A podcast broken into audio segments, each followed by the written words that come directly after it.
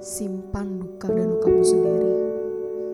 Karena seharusnya kamu bisa berdiri sendiri.